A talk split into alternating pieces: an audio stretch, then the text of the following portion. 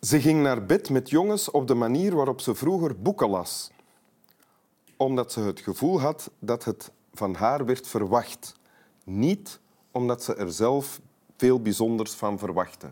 Oh, sorry, ik heb dat niet goed voorgelezen. Ik kan dat opnieuw doen. Nu is jij niet meer verrast, natuurlijk. Ja.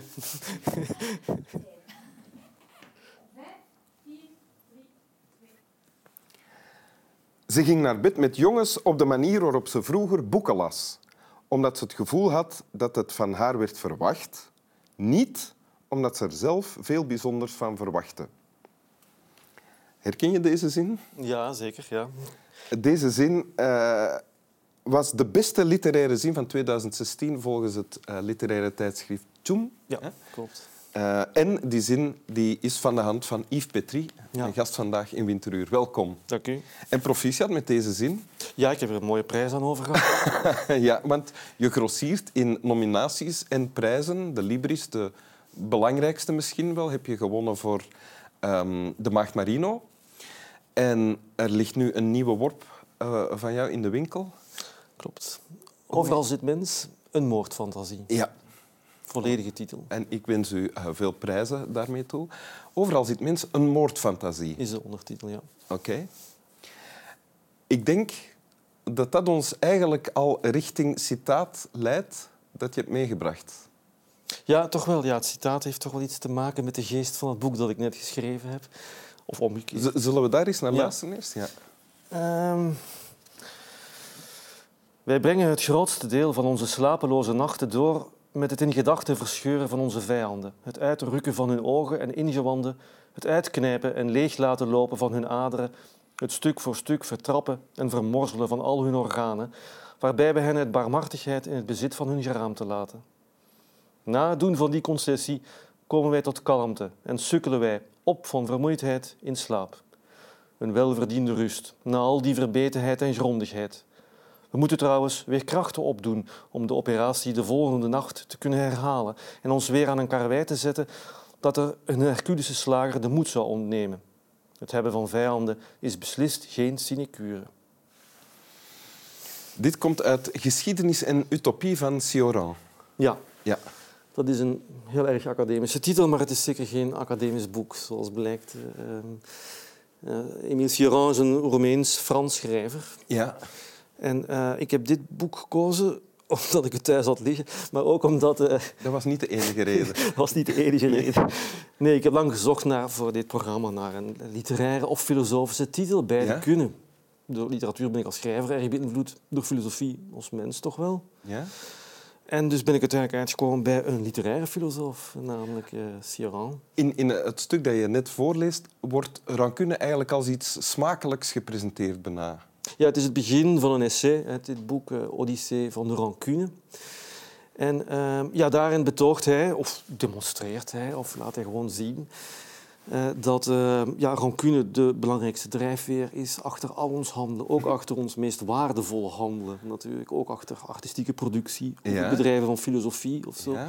Al die hooggestemde zaken, daar zit eigenlijk wrok en wraaklust achter. En ik heb dan dit essay gekozen en deze passage omdat eh, ja, het boek dat ik net uit heb natuurlijk ook wel eh, een al wrok en wraaklust is. Ja? Het ik-personage ook gedreven is door diepe rancune. Hoe, hoe lang heb je geschreven aan dat boek? Twee à drie, tweeënhalf jaar, zoiets. Ja. Ja, Dus 2,5 jaar heb je in het hoofd gezeten van iemand die zich gedreven weet door wrok en rancune. Eh, ja wel, ik formuleer het liever omgekeerd. Hij zat in mijn hoofd. Eigenlijk. Mijn hoofd is toch nog altijd ietsje groter dan dat van de personage. Dus hij zat in het mijne. Ehm, En hoe was dat? maar dat betekent wel dat ik natuurlijk enige affiniteit heb Ja. met, het sentiment rancune. Genoten? Ja. Ehm, ehm, ja, Her- je dat ook als drijfveer dan? ik leef me daar wel in uit, in elk geval. Om daar vorm aan te geven of een personage te creëren dat zich daardoor laat drijven. Dat ook uitspreekt in alle mogelijke eh, toonaarden. En eh, ja, leef ik me wel in uit. Zo. In een tijd waarin je zoveel op je woorden moet letten. En iedereen er zo, zo op uit is om zichzelf te presenteren als een heel deugdzaam en goeddenkend iemand. Vind ik het wel eens plezierig om het tegenovergestelde te Daar kunnen doe je niet aan mee. Eh, in mijn boek zeker niet. Nee. En in het In- werkelijke leven? In de sociale context let ik ook wel een beetje op. eh, ja. Ben je op dit moment allerhande neigingen aan het onderdrukken? nee, nee, momenteel voel ik... Nee, momenteel is de rancune helaas afwezig. Ja, helaas zeg je. Want eigenlijk, het, ik zei daarnet, het klinkt bijna smakelijk hier. Uh, het figuur dat hier aan het woord is... Um, lijkt bijna blij te zijn of dankbaar voor de vijanden die, die ja. hem tegemoet gaan. Ja, dat is bij Siran zeker het geval. Nu, hier wordt ook allusie gemaakt op zijn slapeloosheid. De man leed aan een ziekelijke slapeloosheid mhm. en schreef dan ook dit soort dingen op om toch ja, om die anders onuitstaanbaar, onverdraaglijke uren van wakker liggen uh, uh, toch met iets te vullen. Dus ja. in zekere zin was hij wel blij omwille van alles wat de geest hem inblies. Ook al zijn het dan nogal grimmige dingen. Zoals ja, en, en kan je daar de vinger op leggen wat het dan is dat het aangenaam maakt, plezierig, om je daarin te verdiepen in wrok en rancune? Ja, om te beginnen, zoals ik zei, het contrast met wat in deze tijd zoal verwacht wordt van een, uh, van een intelligent mens. En, ja. uh, en uh, in de tweede plaats is gewoon, ja, dat is misschien niet echt goed verklaarbaar, maar het geeft wel vuur en inspiratie. De woorden komen wel, de stijl gaat wel flonkeren en zo. En dat is natuurlijk artistiek wel ja, het hoogste wat haalbaar is natuurlijk. Ja dat er dan aangeblazen wordt of aangedreven door iets zo duister als een, als een soort wrok waarmee je haast geboren lijkt, die, die geen duidelijke motieven heeft soms.